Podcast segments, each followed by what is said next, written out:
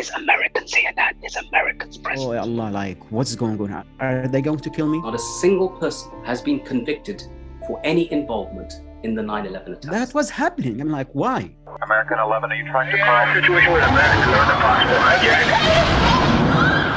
the Terrorist organizations known as Al Qaeda. The first strike against terrorism as a missile barrage lands on Afghanistan.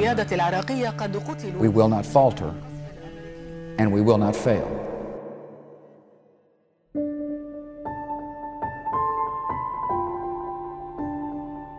هذان هما اليمني منصور الضيفي والبريطاني من أصل باكستاني معظم بيك.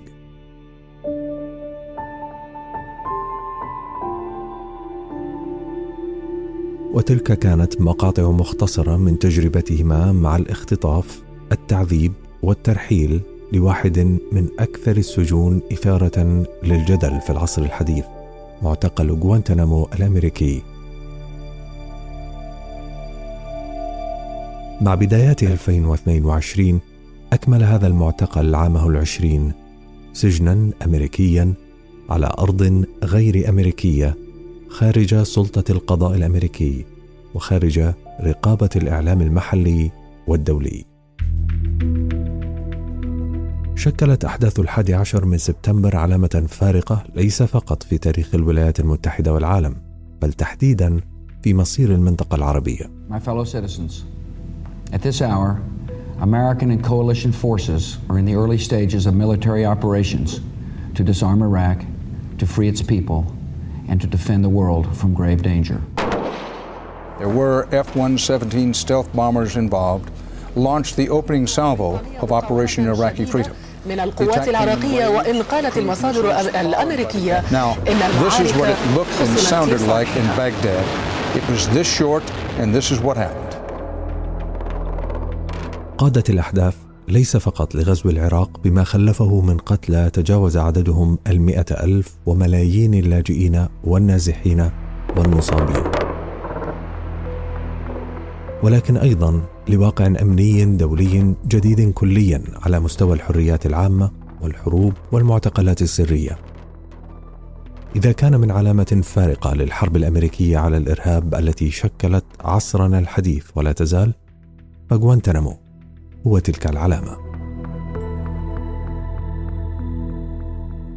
يحاول هذا البودكاست من إعداد موقع المراسل إلقاء الضوء على حكاية هذا المعتقل عبر بحث معمق في نشأته، تطوره واستمراره أيضا حتى لحظة إذاعة هذه المادة، رغم الاعتراضات الدولية عليه، المطالبات الحقوقية بإغلاقه، ومحاولات مشرعين ورؤساء أمريكيين إنهاء وجوده.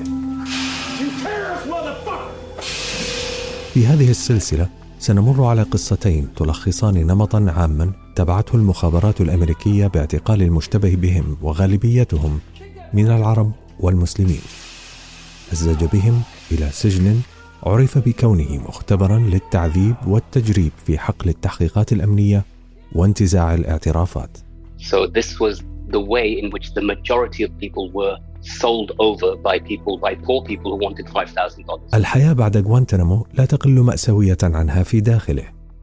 بعد اعتقالهم لسنوات دون سند قانوني، أطلق سراح غالبية السجناء دون تعويضات، دون برامج فعالة لإعادة التأهيل والدمج، ووسط عالم لا يبدو مستوعبا لهم. أما السجان فهمه الأساسي كان ولا يزال التخلص منهم لدولة حليفة أخرى.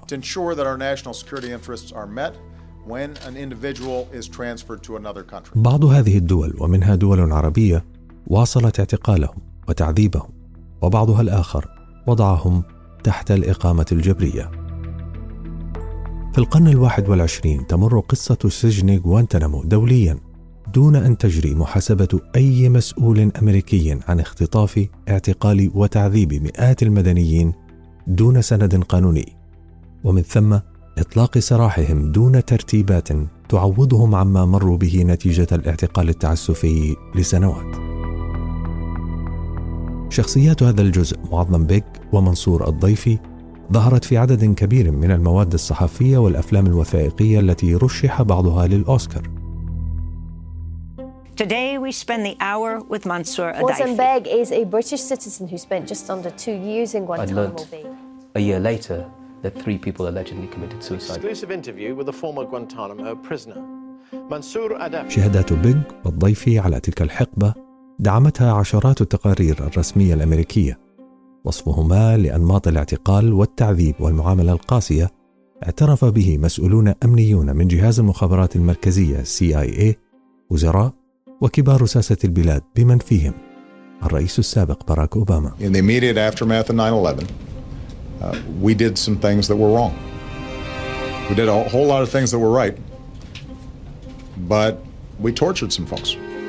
النمط الوارد في هذه السلسلة من اعتقال وتعذيب أكده عدد كبير من الوثائق المسربة التي نشر فحواها تحقيق مطول للجنة تابعة للكونغرس نشرت نتائجه في أكثر من ستة ألاف صفحة في 2015 وعرضت بعض تفاصيله في مسلسل تلفزيوني بثه موقع نتفليكس عام 2019 بعنوان التقرير The Report Morning, Dan. Morning, Senator. Have you seen the story today in the New York Times?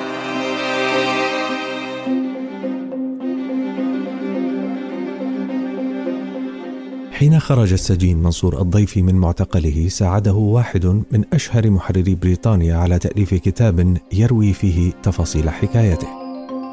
يقول إنه لا يزال وعدد كبير ممن جرى الإفراج عنهم يعيشون في المعتقل. يبدو غوانتنامو وقد سيطر على بنيتهم النفسية وسط غياب لبرامج إعادة التأهيل والدمج. لا تنسونا هنا. Do not forget us here. كان عنوان كتاب الضيف. ولا تنسوهم هناك هو عنوان هذه السلسلة. هذا بودكاست المراسل وأنا عماد الرواشده